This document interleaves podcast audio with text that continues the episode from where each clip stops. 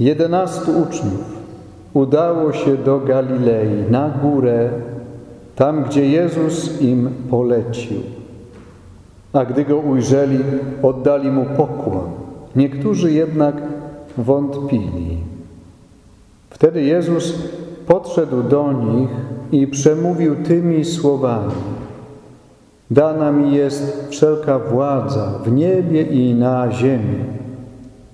Idźcie więc i nauczajcie wszystkie narody, udzielając im chrztu w imię Ojca i Syna i Ducha Świętego. Uczcie je zachowywać wszystko, co wam przekazałem. A oto ja jestem z wami przez wszystkie dni, aż do skończenia świata. Oto słowo Pańskie. Chwała Tobie, Chryste.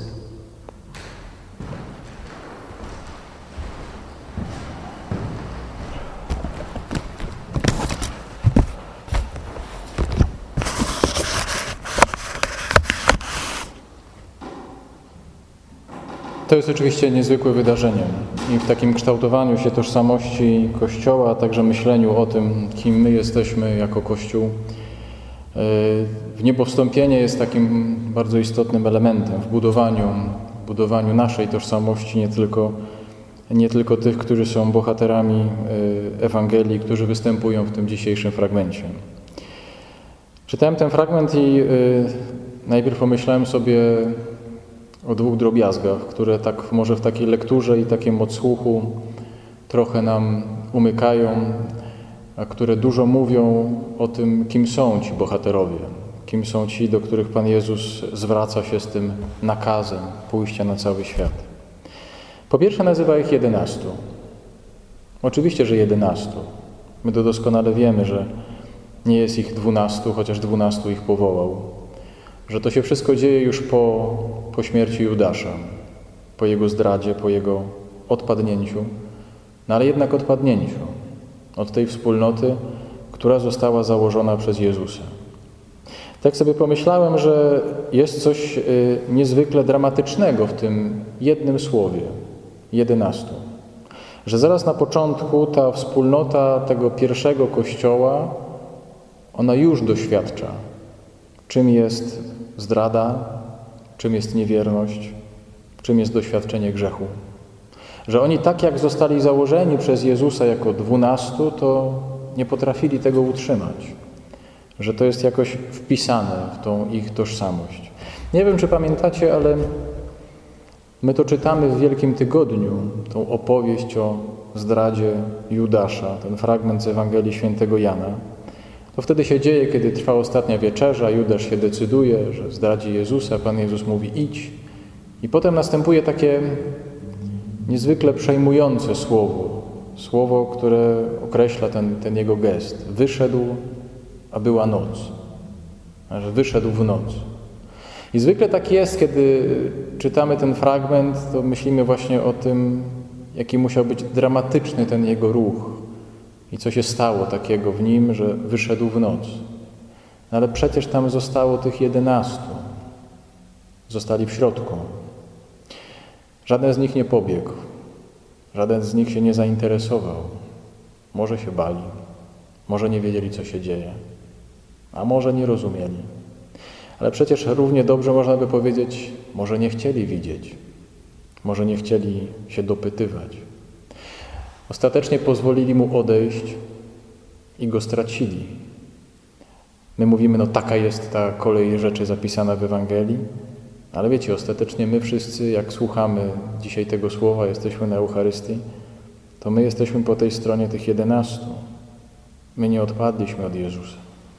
Ilu jest takich, którzy dookoła nas wychodzą w noc i co się z nimi dzieje, nie wiemy.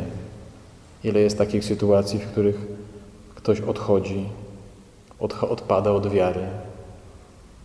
I czasem wolimy nie wiedzieć. I druga rzecz, która jest związana z tym opisem uczniów, to jest ten drobiazg, kiedy Jezus mówi, niektórym wyrzuca z nich, niektórym z nich wątpienie, wątpienie o Nim. Tak mówi ewangelista. Niektórzy wątpili, W momencie, kiedy już widzieli zmartwychwstanie, w momencie, kiedy widzieli Jezusa, który z nimi siadał, który pokazywał się im, niektórzy dotykali Jego ran, przez 40 dni im się pokazywał nie raz, nie dwa, a oni wątpili. Wątpili o nim. To jest jakiś niezwykły opis Kościoła. Że właśnie taki jest Kościół. Że nie jest idealny, nie jest cudowny, jest daleki od wyobrażeń. I właśnie takiemu Kościołowi, takiemu wątpiącemu, naznaczonemu grzechem, Jezus powierza misję głoszenia, mówi idźcie, idźcie, tacy właśnie idźcie, z całym tym waszym obciążeniem, niedoskonałością. Jedyną rzecz, którą mają, mają robić uczniowie, idźcie, jak mówi ewangelista, i nauczajcie wszystkie narody.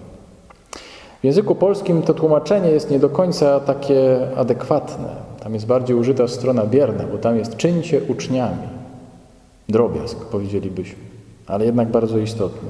Bo jak mówimy nauczajcie, to raczej jest z takiej pozycji, bo wiecie lepiej, bo jesteście wyżej, bo jesteście mądrzejsi, fajniejsi, cokolwiek jeszcze, ale jesteście tacy właśnie w takiej pozycji trochę wyższej od innych.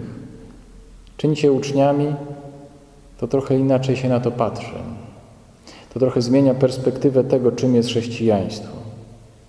Czyńcie uczniami to znaczy, że najważniejszą i najbardziej podstawową relacją, którą mamy w chrześcijaństwie jest relacja uczniostwa. Uczniostwa w stosunku do Jezusa.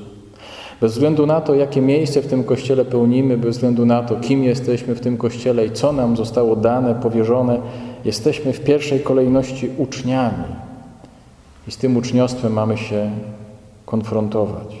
I to wszystko, co mamy robić, ktokolwiek z nas słucha tej Ewangelii, czy my jako bracia, księża, czy wy jako tam siedzący przed ekranami, w ławkach, mamy być przede wszystkim uczniami. Zobaczcie z tyłu za mną ten krzyż, który stoi, na który patrzymy przez cały okres zmartwychwstania na Pana Jezusa. Przecież ostatecznie to z Nim mamy się konfrontować. To jest sąd, który będzie nad nami dokonywany. Z tej miłości będziemy sądzeni. Oczywiste, tylko pozornie. Bo zobaczcie, jakby tak powiedzieć, sprawdzam. Jakby nas tak miał ktoś sprawdzić, to o wiele łatwiej nam jest się konfrontować z przepisami, z oświadczeniami, z nakazami, z zaleceniami. I za tym wszystkim gdzieś się gubi Pan Jezus.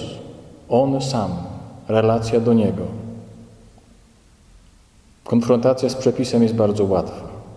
Konfrontacja z zakazami jest bardzo łatwa. Dlaczego tylu ludzi odchodzi z kościoła? Dlatego tylu ludzi mówi, że się nie mieści w tym kościele, dlaczego nie znajduje swojego miejsca. Pewnie są różne powody, ale myślę, że jeden z nich jest taki, że tyle im się mówiło o nakazach, zakazach, a najmniej się im mówiło o relacji do Jezusa. Miałem taką rozmowę w tym tygodniu z kimś, kto mówił, to było dla niego największe odkrycie w życiu.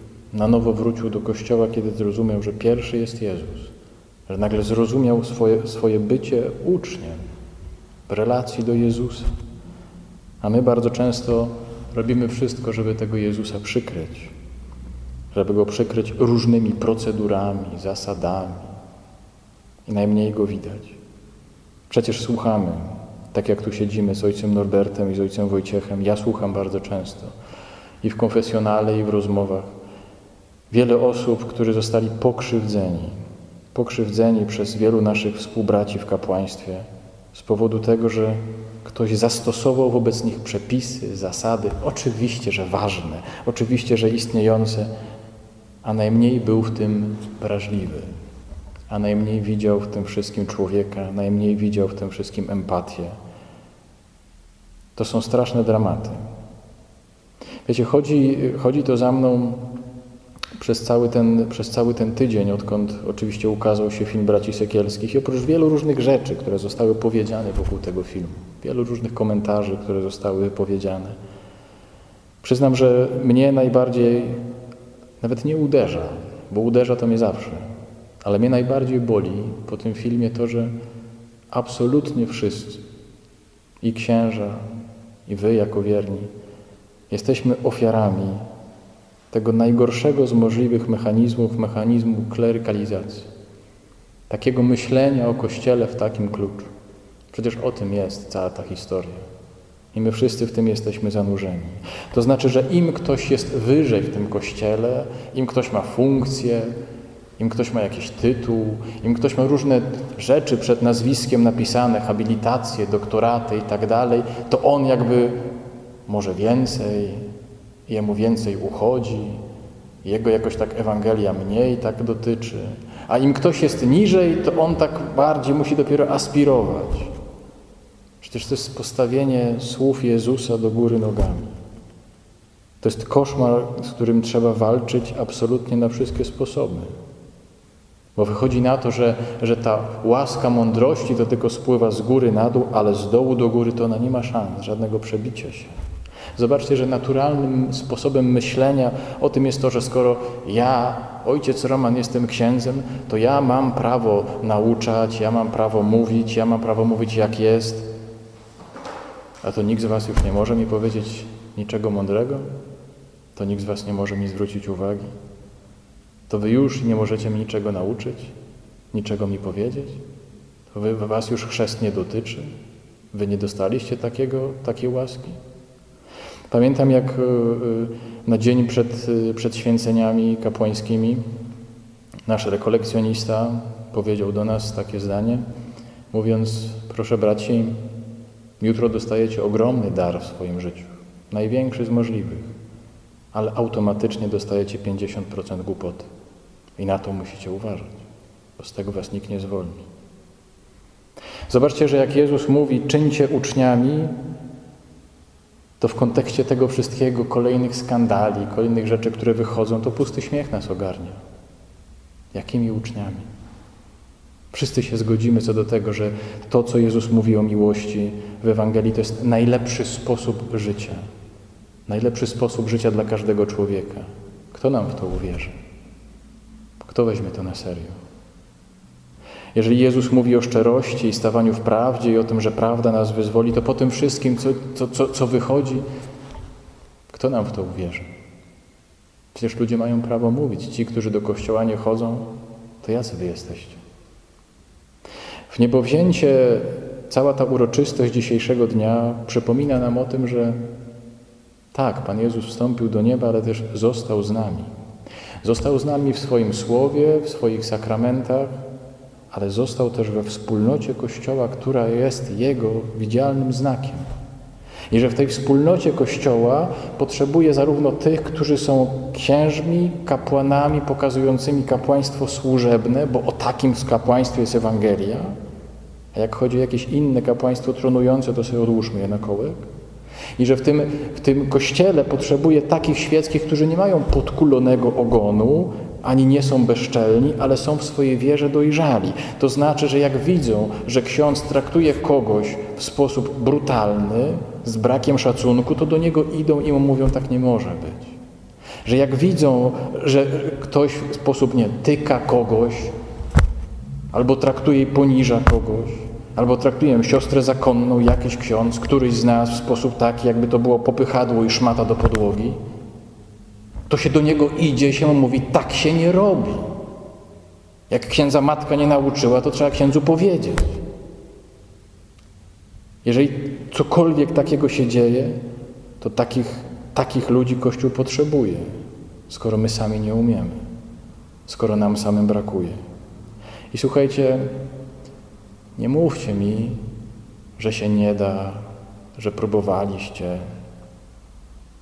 że, to, że księża nie przyjmują tego. Nikt nie przyjmuje krytyki łatwo. Tak samo jak bardzo trudno jest mówić komuś słowo krytyki.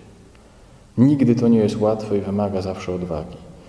Ale na litość boską nie chodzi tu o nas, tylko chodzi o Ewangelię. To nie chodzi o nasz los, tylko o Ewangelię. Naprawdę o Pana Jezusa. Przypomniałem sobie dzisiaj takie z pamięci takie fragmenty tych wszystkich, którzy w taki sposób domagali się dobra Kościoła. Katarzyna ze Sieny, która pisała do jednego z uzurpatorów papiestwa, ty potworzy. Grzegorz Wielki, który mówił, że wszystko można powiedzieć o Kościele, tylko nie to, że jest ciałem Chrystusa, ale hydrą z wieloma głowami. Tomasz Mur, święty, ścięty w Tower, piszący swoje pisma więzienne, pisał, że biskupi są gorsi od apostołów, bo apostołowie tylko spali w ogrodzie oliwnym, a biskupi się taplają w błocie. Nikomu, nikt z nas nie wątpi o tym, że to byli wielcy święci. Nikt, absolutnie nie mamy, mamy przekonania, że to byli przełomowi święci. Jednocześnie nikim nie zarzuci, że nie chodziło im o troskę o Kościół i nie przebierali w słowach. Dużo ich to kosztowało. Ale właśnie dlatego o nich możemy mówić, że nie bawili się w chowanego.